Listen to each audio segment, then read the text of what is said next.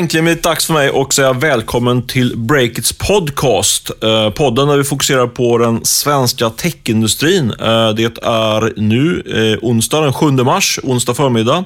Och eh, mitt emot mig här i Breakits poddstudio på Smålandsgatan i centrala Stockholm så sitter Jon Mauno Pettersson. Hur är läget Jon? Eh, läget är bra. Hur är det med dig? Jo, det var bra. Ja. Alltid kul att spela in podd. Och idag har vi både dig och Erik Wisterberg här i studion, så det känns tryggt. Mm. För den här veckan ska vi faktiskt spekulera i bland annat den verkliga orsaken till varför Martin Lorentzon nu oväntat hoppar av Telias styrelse. Och vi flaggar också för att Spotify snart är på väg att höja priset, tror vi i alla fall. Eh, dessutom så får vi då med oss Erik Wisterberg, vår egen Facebook-expert här i poddstudion och han ska reda ut de senaste turerna i den amerikanska jätten och vad det betyder för svenska företagare. Också, sist men inte minst, så lovar jag att avslöja allt om Breakits eh, nu pågående finansieringsrunda. Men först, Jon, så kör vi våra fem snabba och du, du börjar. Yes, ja, men Bygghemma är på väg till börsen och noteringen kommer att ske om bara några veckor. Eh, det rapporterar våra vänner på sajten DI Digital som skriver att den digitala bygghandeln kan få en värdering på över 7 miljarder kronor. Som vi pratade om i podden förra veckan så har Postnord nu infört sina nya avgifter på paket som beställts från Kina bland annat eh, via appar då till exempel på Wish eller eh, AliExpress. Hittills eh, har Postnord skickat nu ut runt 20 000 avier till olika svenskar som har, som har beställt paket via Kina eller från Kina och enligt bolaget, alltså Postnord, så betalar faktiskt de flesta den här avgiften ganska så snabbt och samtidigt så konstaterar Postnord att inflödet utflödet av paket faktiskt har minskat något. Det, det var väl egentligen det som var baktanken med hela det här projektet tror jag. Mm, exakt. Eh, och så kan vi rapportera att WeChat, som också kallas för eh, Kinas Facebook, nu har över en miljard användare. Eh, det innebär att tjänsten är nästan exakt hälften så stor som just Facebook. Och WeChat har för övrigt samma ägare som Spotify, Tencent, delägare då. Exakt, Tencent äger väl sådär 5 mm. eller 10% utav Spotify. Du, vi på Break har skrivit mycket om programmerare som har utvisats från Sverige på ganska eh, märkliga grunder får man säga, på grund av det osmidiga svenska regelverket. Nu eh, slår eh, svenska, svenska regeringen tillbaka kan man säga på det här. De föreslår att eh, de, istället för att ändra så mycket på reglerna så är det så att de som är arbetsgivare till de här programmerarna, de ska kunna krävas på skadestånd från programmerare eller andra eh, kompetenta människor som utvisas på grund av de här reglerna. Vi får se eh, om det blir lösningen på problemet. Vi lär rapportera mer om det där framöver. här. Mm, det måste vi följa upp upp. Eh, och sen kan vi meddela att allt fler väljer att betala för att titta på e-sport. Det visar en färsk analys från Mediavision. Eh, Nära var femte e-sport gaming-tittare i Norden betalar för att titta under det fjärde kvartalet 2017 och detta är en kraftig tillväxt på över 40 procent jämfört med samma period 2016. Yes, och vår huvudsponsor här i podden är Rackfish som vet allt som är värt att veta om hosting och driftsäkerhet. Och det är viktiga saker att tänka på om man ska starta en sajt. Verkligen. Eh, Rackfish har ju placerat sig lite grann i ett premiumsegment när det gäller det här med hosting. Och de satsar därför väldigt hårt på just att deras kunder inte ska drabbas av driftstörningar, för det vill man inte göra. Filosofin är enkel. Investera i bra och säker teknik så att servrarna inte går ner. Och eh, ju mindre strul, desto färre besvikna kunder som ringer. Mm, ett smart sätt att spara både tid eh, åt dig själv och åt dina kunder helt enkelt. Vill ni veta mer om Rackfish så kan ni till exempel mejla grundaren Johan Olde på johan at rackfish.com med CK där, Rackfish. Tack Rackfish! Ja du Stefan, då ska vi prata lite om eh, Spotify. Eh, där händer det ju saker i princip varje dag just nu efter att börsnotering aviserats i förra veckan. Eh, grundarna Martin Lorentzon och Daniel Ek är ju särskilt fokus såklart och igår meddelade Lorentzon att han hoppar av styrelsen i Telia som han har suttit i i typ fem år vill jag minnas. Hur ska man tolka detta? Ja, det kan man fråga sig. Man får inte speciellt mycket vägledning från Martin Lorentzon själv. Han är ju en hemlighetsfull herre får man säga. Han sa i ett citat som citerades och D-digital att det var dags för andra att ta vid. Det var orsaken till att han hoppar av. Det säger inte så mycket om, eh, om varför. Eh, men om jag skulle spekulera lite grann kring, kring det här så, så det ska man se att eh, Eh, även då, DG Digital hade uppgifter om att Telia håller på att försöka ta sig ur sitt Spotify-innehav. Eh, och Det kan ju vara en förklaring till att Martin Orensson då inte känner att han är så motiverad att sitta i Telias styrelse när de inte längre har ett ägande i hans eget bolag, då, Spotify. Men jag tror faktiskt att man ska titta lite åt ett annat håll. Eh, Christian Stenbeck, den stora, den stora mm, huvudpersonen får man säga i, i Stenbeck-sfären, Kinnevikssfären. Hon sitter ju faktiskt i Spotifys styrelse. Och Det där tycker jag har varit märkligt länge. Att de, varför, varför ska hon gå in i styrelsen utan att egentligen ha något ägande i Spotify? Eh, så jag tror, eh, om jag får kasta fram en liten hypotes då, att eh, det här, kan, det här avhoppet från Lorentzons sida kan ha att göra med att Christian Stenbeck eh, funderar på att gå in mycket tyngre i Spotify. Eh, och Det där skulle ju inte lira spelat bra då med att eh, Telia är, är ägare i Spotify med tanke på att Christian Stenbeck äger ju Tele2 mm. som är Telias argaste konkurrent här i Norden. Eh, så det där är min tes, att, eh, att eh, Lorentzon hoppar av, Telia kränger av sina aktier och samtidigt som Tele2 kanske, eller någon annan Kinnevik-anknutet bolag går in och tar en stor post i Spotify i samband med noteringen. Då. Just det. Men har du några källor på det här eller mer en liten egen hemmasnickrad tes? Det är en hemmasnickrad tes helt och hållet. Mm. och jag, men jag har funderat en hel del kring varför just Christian Stenbeck går in där. Jag tror att det, det kan inte bara vara att hon går in för att, för att tillföra sin kompetens och, eh, och lära sig lite grann om Spotify. Det måste finnas lite mer eh, makt eller investeringsambitioner. Men, men borde hon inte redan ha köpt vid det här laget? Det har ju funnits, vad det verkar i alla fall, en del möjligheter att köpa in sig i bolaget under en längre tid än folk som har sålt av aktier och sådär. Ja, så är det väl. Men, och det vet man inte. De kan ju, de kan, det kan ju vara så att hon har köpt eh, under, under radarn så att säga. Med tanke på att eh, i det här prospektet så redovisas bara de som har mer än 5 på aktierna. Eh, faktum är att hon har ju tackat nej också till att investera i Spotify, Eh, åtminstone vid, vid något tillfälle i början av Spotifys eh, livs, eh, vad säger man, i levnadsperiod här. Eh, jag vet att, de, eh, att eh, från flera håll att, eh, att Kinnevik fick frågan, men de tackade nej. Eh, och Det är väl en indikator på att man tidigare då kanske har tyckt att det känns lite dyrt, men nu är bolaget i en helt annan position och samtidigt är det så med Kinnevik och Stenbecksfären. De, de söker lite grann nya investeringsobjekt nu och, ser, och letar efter liksom det nya nya eh, efter att ha gjort eh, stora och framgångsrika investeringar i, i e-handel med mera, med mera. Så jag tror att, ja vi får se. Eh, du kanske ska ringa Kristina eller Lorentzon och bara ställa frågan. Har du ja. testat det? Nej, jag har inte gjort det. Jag har faktiskt gett upp det här med att ringa till Martin Lorentzon. Han svarar aldrig numera. Christian Stenbeck kan jag testa. det hann han faktiskt inte innan vi gick in här i poddstudion, men det är en bra, en bra idé. Vi får se var det där landar, men du, vi ska prata ännu mer Spotify. Du har ju en tes att, apropå när vi ska sitta och spekulera i högst största allmänhet, så har du en tes om att Spotify nu är på väg att höja priset för oss konsumenter. Varför då? Mm, åtminstone i Sverige i alla fall. Eh, nej, men så här, mycket av snacket kring Spotify har ju den senaste tiden handlat om, att, om bolagets eh, förmåga att på sikt bli ett lönsamt eh, företag, om det ens är möjligt. Eh, trots att intäkterna och antalet prenumeranter ökar i snabb takt så finns det ju ändå en rad frågetecken inför framtiden, kan man ju se i prospektet. Ja, det får man säga. Vad tänker du närmare på? Nej, men det handlar egentligen om eh, två saker. Dels att förlusterna fortsätter att öka samtidigt som intäkten per prenumerant minskar i snabb takt. Bland annat på grund av billiga familjeabonnemang där man har liksom boostat antalet prenumeranter men på bekostnad av lägre intäkt per prenumerant helt enkelt.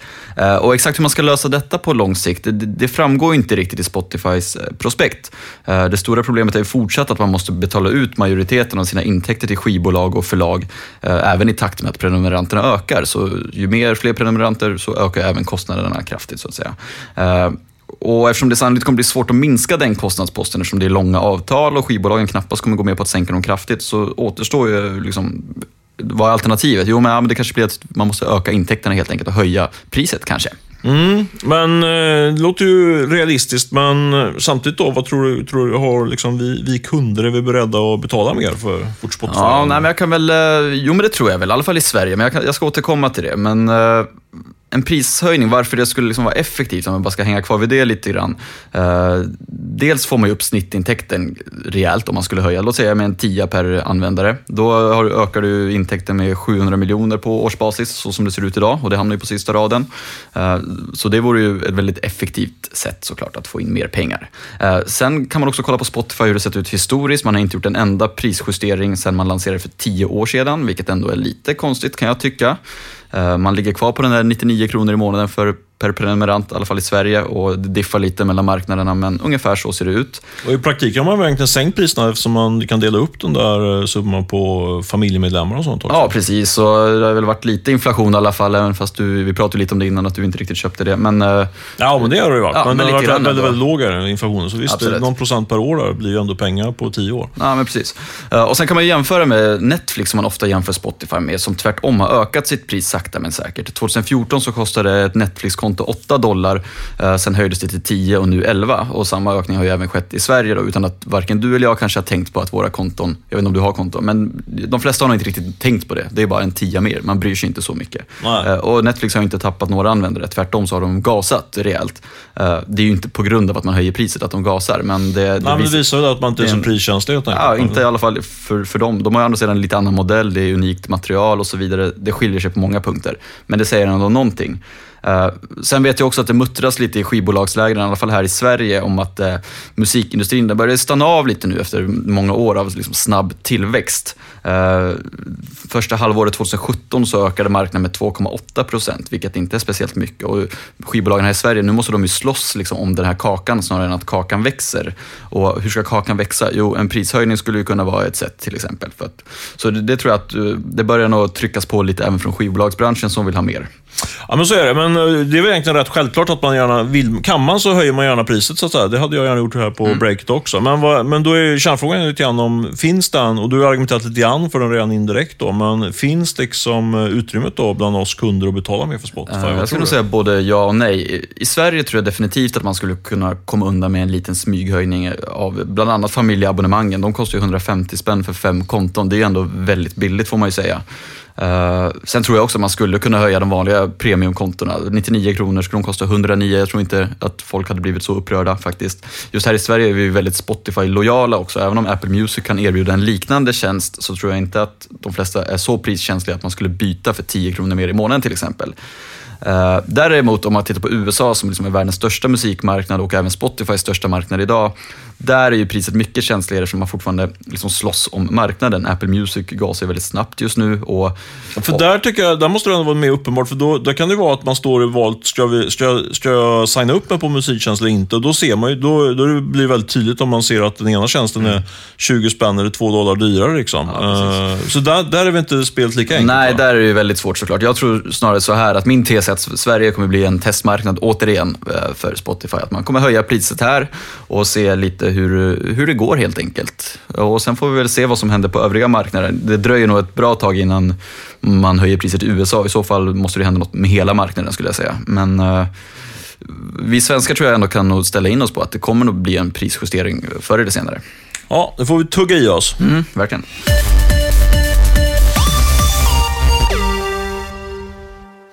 Den här veckan sponsras vi också av ABS Global Factoring. De är experter på tillväxtfinansiering för företag via fakturaköp.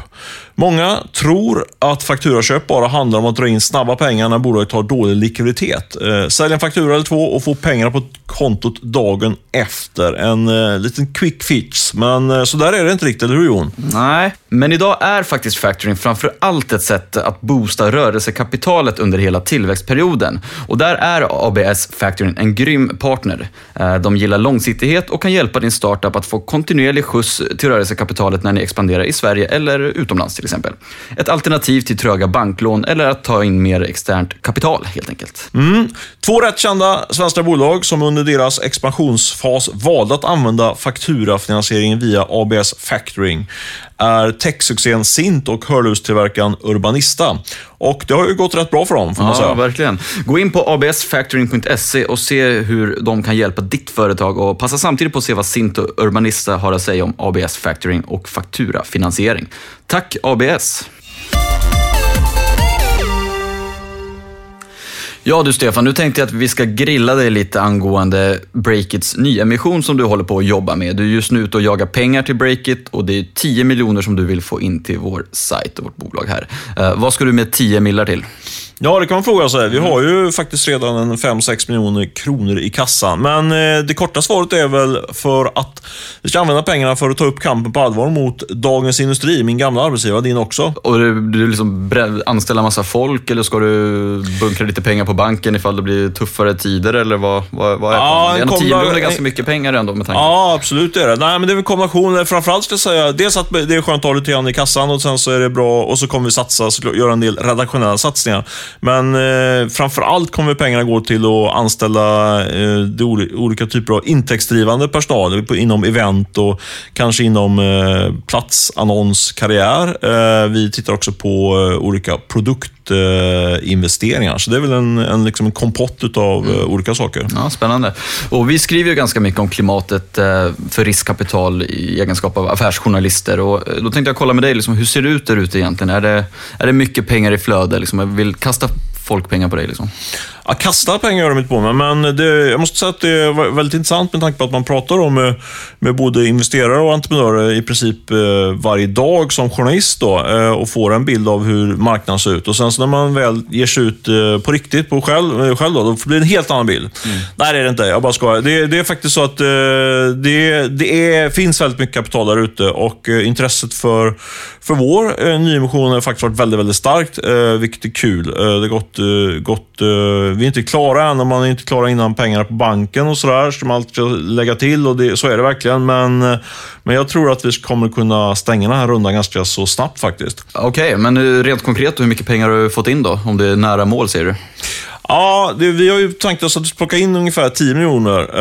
Uh, sen, får, sen, sen, är det ju alltid det här, en rätt intressant uh, balansgång mellan hur mycket pengar i eget kapital ska man ta in och hur mycket kan man låna. För, för jag har inte, sitter inte på massa miljoner uh, och äger ju fortfarande en rätt stor del av bolaget. Uh, så jag, jag funderar just nu ganska mycket på, ska vi låna pengar? eller ska vi låna del av pengarna eller ska vi ta in allting i kapital? men din fråga var hur det går och hur mycket pengar vi har fått in och sådär. Jag skulle säga att vi, att vi ja, eh, i princip har väl fått in kapitalet vid det här laget. Men eh, än en gång, man får alltid lägga in en liten brasklapp. Börsen kanske rasar i, samtidigt vi spelar in det här, så då, då försvinner ju pengarna direkt. Mm. Men är det någon som har tackat nej då? Något kul namn som du kan avslöja sådär? Mm.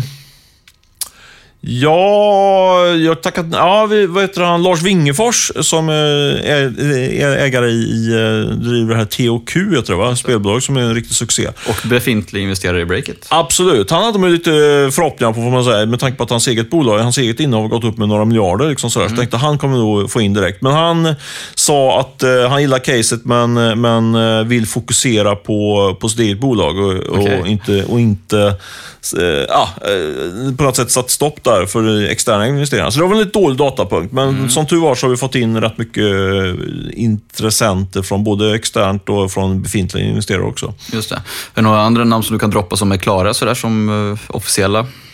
Mm, jag måste tänka efter här. Eh, du tar mig på sängen lite grann. Jag, jag brukar ju alltid vilja vara väldigt öppen och, och rak här. Vi sa ju här innan vi gick in i poddstudion att du skulle ställa frågor utan att jag hade funderat på vad jag skulle svara innan. Men jag tror jag får passa med det. Kanske jag kan prata mer om det nästa gång, eh, med vilka investerare. Jag själv håller på att förhandla stenhårt med min fru, kan jag ju avslöja i alla fall. Om jag ska gå in med mer pengar och belåna vår lilla, vår lilla bostadsrätt. Eh, jag har inte landat där än faktiskt. Men hur kommer du i kontakt med de investerarna? Är det liksom telefonboken som du har byggt upp under alla år, eller vad, hur går det till för dig? Ja, det är en kombination där också, men mycket är det faktiskt så att är, man går på kontakter så tidigare och man helt enkelt eh, har underhållit de där kontakterna under årens lopp och det innebär att man får ett möte eller ett samtal med, med folk. För det är ofta är det här just att få in första foten. Liksom. För de här, de här investerarna får ju, de blir ju verkligen, många av de här man kontaktar är ju verkligen översköljda av, eh, av propåer. Jag vet en som sa att eh, han fick en liksom varje dag droppar in nya eh, propåer. Och det är klart att då, då är det svårt att komma igenom det bruset. Så det, det är en sak. Och det andra, en annan väldigt bra grej är ju att man eh, bland, de, i det, bland ens befintliga investerare och också även bland sitt kontaktnät där, ber om att få intros då till andra investerare. Så det är också en sak som öppnar upp. Liksom. Så det är väl ungefär så man gör. Det är mycket kontakter. Mm. Jag vet att du ska träffa några investerare idag som är lite hemligt vilka det är, med lite spännande namn sådär. Uh, hur förbereder du inför en pitch egentligen? För du, när vi pratade, då lät det som att du knappt hade förberett dig någonting och inte visste vad du skulle säga.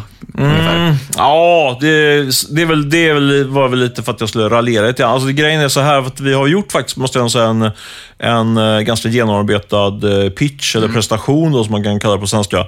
Eh, och det är ju framförallt min kollega Camilla Björkman som är, som är kvinnan bakom den prestationen. Den, den, är, den har fått mycket beröm för faktiskt. Mm. Men i princip, utifrån mitt perspektiv, jag, jag tänkt ganska mycket, suttit och funderat mycket på min kammare. Liksom, vad är liksom pitchen för breaket och vad, vad är det vi ska är, varför tar vi in pengar och vad är liksom eh, tillväxtcaset på något sätt? Och så det har jag ganska klart för mig och så det kan jag dra, ut, dra på uppstuds lite grann. Sådär. Mm. Uh, men annars så tycker jag att man ska ha, och det tror jag kan vara en, eh, en jag tycker det kan vara ganska uppstyrt de där pitcharna. De är, det är lite McKinsey-varning på dem, alltså att de är så mm. extremt välgjorda. Så jag tror att, att jag kan vinna på att jag istället sätter mig ner och snackar med folk helt enkelt. Och, och, du sticker ut lite kanske? Ja, kanske. Jag vet inte. Men jag tror att det, man får nog förhoppningsvis lite förtroende när man, det blir ganska naturligt det samtalet man har med, med olika investerare. Ja, men det låter ju på dig som det går bra ändå, så det är något, något gör du rätt. Mm, eller hur? Förhoppningsvis. Men, ja, är det för sent om någon lyssnar på det här och vill investera? Liksom, vad gör man då? Ja, då är, då är det ganska eh, halvsent kan man säga. Men och jag tror också, för att, vara, för att vara tydlig, så tror jag att man för att marknadsföra en nyemission så måste man ha någon form av tillstånd eh, hos eh, Finansinspektionen. Mm. Man marknadsför den brett och sådär.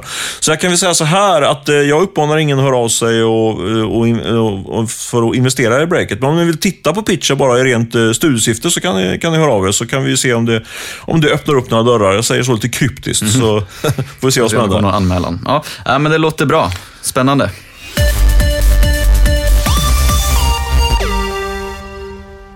Ja, Swedbank och Sparbankerna sponsrar podden den här veckan och de vill prata pension och egenföretagande med er.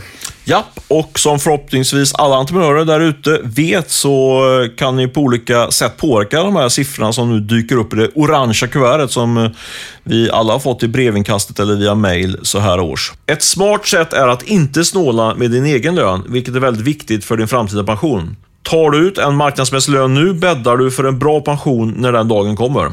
Många egenföretagare tar istället ut ersättning i form av utdelning, men då bör man komma ihåg att utdelningen inte är pensionsgrundande. Ja, exakt. Ett tips är alltså att ha lite koll, även om pensionärslivet känns avlägset just nu. Ett annat tips är att du som egenföretagare kan pensionsspara genom företaget och då är det avdragsgilt. Eh, vill du ha fler tips eh, om hur du kan påverka din pension, eh, gå in på swedbank.se trygga företag, alltså F-O-R-E-T-A-G och läs mer. Alltså O och inte Ö. Tack Swedbank och Sparbankerna. Då har vi fått med oss Erik Wisterberg, vår kära reporterkollega här på Breakit. Du har kommit in här i studion Erik eh, och eh, Jon har faktiskt lämnat oss utan att säga farväl, men jag säger farväl åt honom här eh, i, i detta nu. Erik, välkommen in i studion. Du ska prata lite grann om någonting som du har titulerat FAG-bolagen. Vad, vad är det för något? Ja, men precis. Vi journalister älskar ju så nya begrepp och man vill ju gärna mynta egna, men så här är det ju. På Wall Street, där har man pratat mycket om FAG FAANG-bolagen, eller FAANG-bolagen. Kort sagt, det är ett antal väldigt högpresterande techaktier. Facebook, Apple, Amazon, Netflix och Google. Och varför man tittar på de här i grupp är för att deras börsvärde de senaste åren har ju skjutit i höjden. Upp mellan 2 till 500 procent på fem år. Och man kan ju undra lite vad det är egentligen som förenar de här företagen. Och eh, för mig så är svaret ganska enkelt och ett ganska tråkigt ord. Distribution. Hur menar du då? Alltså, Apple gör ju, vad jag vet, telefoner och Facebook är ett socialt nätverk. Ja, men precis. Det första jag vill göra det är att ta bort Netflix ur den där ekvationen. För det är, ju, det är mer ett innehållsbolag. Alltså de producerar eget innehåll och distribuerar det på internet. Det är mer som en traditionell tv-kanal egentligen, fast på, på internet. Men om man tar de här fyra företagen då, Facebook, Amazon, Apple och Google. De har ju gjort något väldigt smart och det är att de har lagt sig som ett lager mellan oss, alltså konsumenterna, och alla i stort sett som vill göra affärer över internet idag. Och det gör deras makt över andra bolag som driver digitala affärer, e-handlare, medier, appmakare, eh, liksom är beroende av den här extrema dominansen eh, som de här bolagen har över viktiga distributionsplattformar. Intressant, men kan du bli ännu mer lite konkret så till och med jag fattar hela vägen? ja, men med glädje, med glädje. Om man tar Facebook och Google som exempel de är ju liksom filtret genom vilka i stort sett alla i västvärlden når shopping, medier, underhållning och sina vänner på internet. Båda vill ta position som en slags första sida på internet från lite olika vinklar. Google har ju mellan, eller över 95 procent av alla sökningar på internet i Europa. Visste du det? Ja, sjukt hög siffra. 99 procent i vissa länder säger folk som har 99 bättre koll. i Sverige kanske? Nästan. Ja, i Sverige tror jag, sist jag kollade, det var ett par år sedan, då hade Bing en 3 procent kanske, 4 ja. kanske. Så att, men över 95 procent i alla fall. Eh, och Facebook vet vi allihopa att de har två miljarder användare globalt och eh, en, en, stor majoritet av den svenska befolkningen börjar sin dag, eh, eller är inne där någon gång varje dag. Och Amazon håller på att bli någon slags motsvarande första sida sådär för shopping online. Det är vi svenskar inte så vana vid som de inte har lanserat här än. Men i USA så finns det siffror på att 50 procent av all e-handel där eh, sker via Amazons plattform. Och de har ju skapat Amazon Marketplace som är en, ju en, en samlingsplats för produkter från massa andra e-handlare, inte bara Amazons egna grejer, utan det är ett slags digitalt torg. Eh, kollar man på, på Apple och Googles eh, distributionskanaler för appar, eh, App Store och Google Play, så tar ju de 30% av eh, alla intäkter där och kontrollerar de distributionskanalerna väldigt hårt. Det som Daniel Ek lite brukar kalla för en Apple-skatt. Och kontentan av det här att den här distributionsmakten på internet är ju en guldsits helt enkelt. Det måste man verkligen säga. Men om man tittar lite närmare på en av de spelarna, Facebook då. Det, vi har ju rapporterat ganska mycket om de här förändringarna av eh, nyhetsflödet i, i Facebook-appen. Eh, de har ju skruvat om sin algoritm. Eh, och den påverkar ju hela den svenska mediebranschen. Även företagare som marknadsför sig via Facebook indirekt påverkas av det här, tror jag. V vad är det senaste som har hänt där? Ja, men alla har hört talas om, eller inte alla, men många har hört talas om de här förändringarna i nyhetsflödet som Facebook har aviserat. Men lite där under radarn så, så har det kommit en annan väldigt stor nyhet som jag såg när jag satt och jobbade en sväng i helgen. Det kom en pop-up på vår Facebook-sida där, de, där Facebook bara berättar att hej, vi har räknat om eh, ett väldigt centralt mått. Eh, det som kallas för organisk räckvidd eller dynamisk räckvidd. Och det är ju ett, helt enkelt måttet på hur många du når ut till på Facebook utan att behöva betala massa pengar för att sponsra dina inlägg. Och det som fick mitt intresse att liksom skjuta höjden var att det var en rätt oväntad förklaring till varför det här skedde. Och det är att de tidigare räckviddssiffrorna var fel, helt enkelt. De har räknat fel? Eller? Ja, de har mätt dem på ett väldigt konstigt sätt. Eh, och det här kan jag liksom citera Facebook. De, de skrev så här då. Tidigare räknades dynamisk räckvidd när en person fick ett obetalt inlägg i sitt nyhetsflöde oavsett om det visades på skärmen eller inte. Så det är alltså massa visningar som aldrig har skett som har eh, rapporterats eh, till de som äger Facebook-sidor. Och i mitten av februari så började man... Hur menar du? Alltså, när man går in i sin Facebook-app i mobilen, då, då, då eh, behöver man inte exponeras för ett, för ett meddelande utan och ändå räknas man då? Ja, ja, ja, min bästa teori är att det är så här. När du öppnar din Facebook-app så hämtar Facebooks algoritm ett antal inlägg åt dig. Så att du ska kunna scrolla ner. Så den förladdar ju Mm. Eh, ett okänt antal inlägg. Säg att det kanske är 20-30 stycken så att du ska kunna scrolla ner där. Och tidigare så verkar det som att själva den utsättningen av ett inlägg, att Facebooks algoritm hämtar det, räckte för att Facebook skulle tolka det som att eh, ja, det finns en publik. Även om man inte scrollat ner och tittat på det aktuella inlägget då alltså? Ja, precis. precis. Och det är ju det vad de skriver, att det, det räknades oavsett om det visades på en skärm eller inte. Och i den nya definitionen som man rullar ut nu då, så räknar man räckvidden när ett inlägg visas på en person, persons skärm. Och det låter ju lite mer eh, realistiskt, eh, får man ju lugnt säga. Va, vad blir följden av den här förändringen då, skulle du säga? Ja, men det, den stora följden blir att företag, varumärken, medier, startups, digitala bolag, alla som äger Facebook-sidor och kommunicerar med sin publik, eh, därigenom kommer se siffrorna gå ner. Alltså de kommer se publiken eh, minska. Alltså att man får mindre genomslag helt enkelt. Och det är det vi har konstaterat också i våra nyhetsartiklar, eller hur?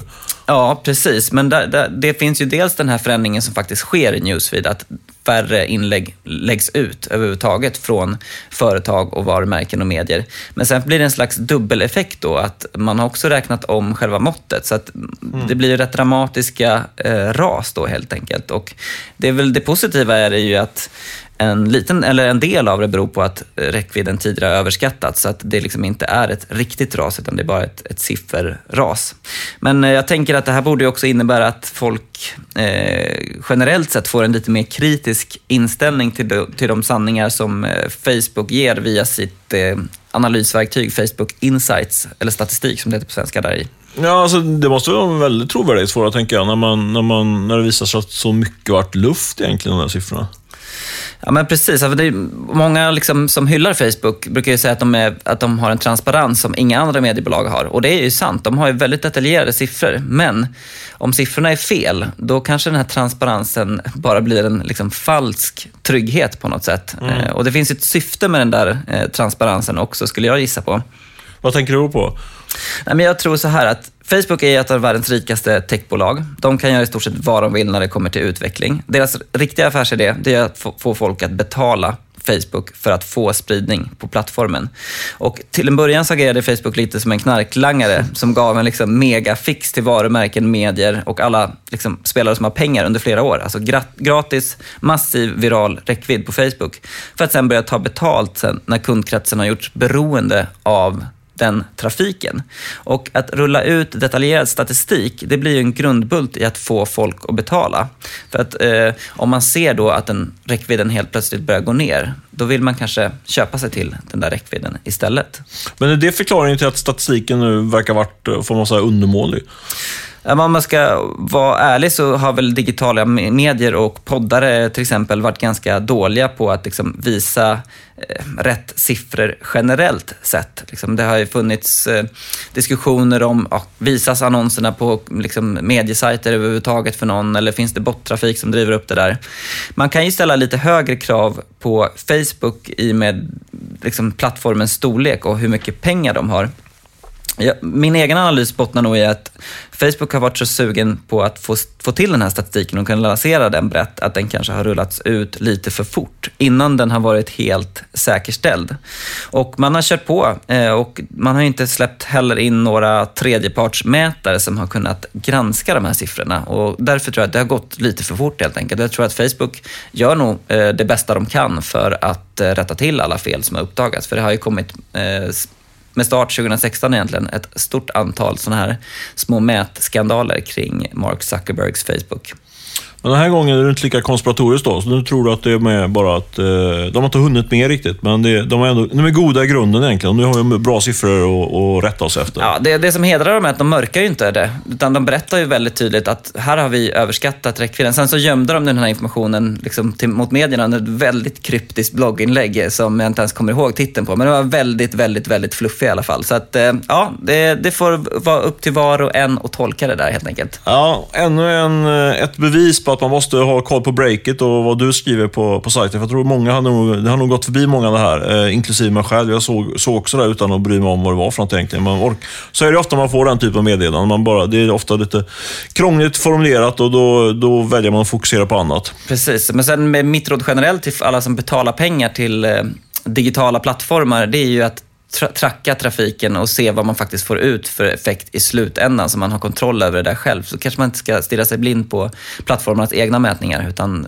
titta på vad som egentligen eh, spelar någon roll. Om det är för driva försäljning så är det de, de måtten som man måste tracka själv via ja, andra plattformar helt enkelt.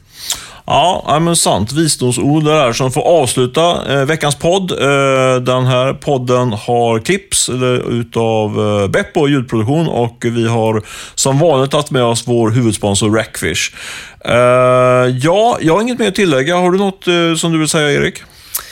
Eh, där tog du mig lite off guard, men eh, vi kommer ju rulla ut en massa intressant innehåll eh, om Spotify till exempel framöver, så håll utkik eh, för det. Det vill jag gärna flagga för. Ja, det har vi gjort en stor redaktionell satsning från Breakits sida, så vi har lagt ner ganska många veckor skulle jag säga på och eh, producera de här, de här långa och väldigt välskrivna reportagen. Så det får ni verkligen hålla eh, utkik över på, ut, vad säger man, över, utkik på Breakit. Eh, Okej, ni hör, jag börjar flud- sluddra. Det är dags för mig att gå och käka lunch nu tror jag. Eh, tack för att ni har lyssnat även den här veckan, så hörs vi nästa vecka. Ha det bra!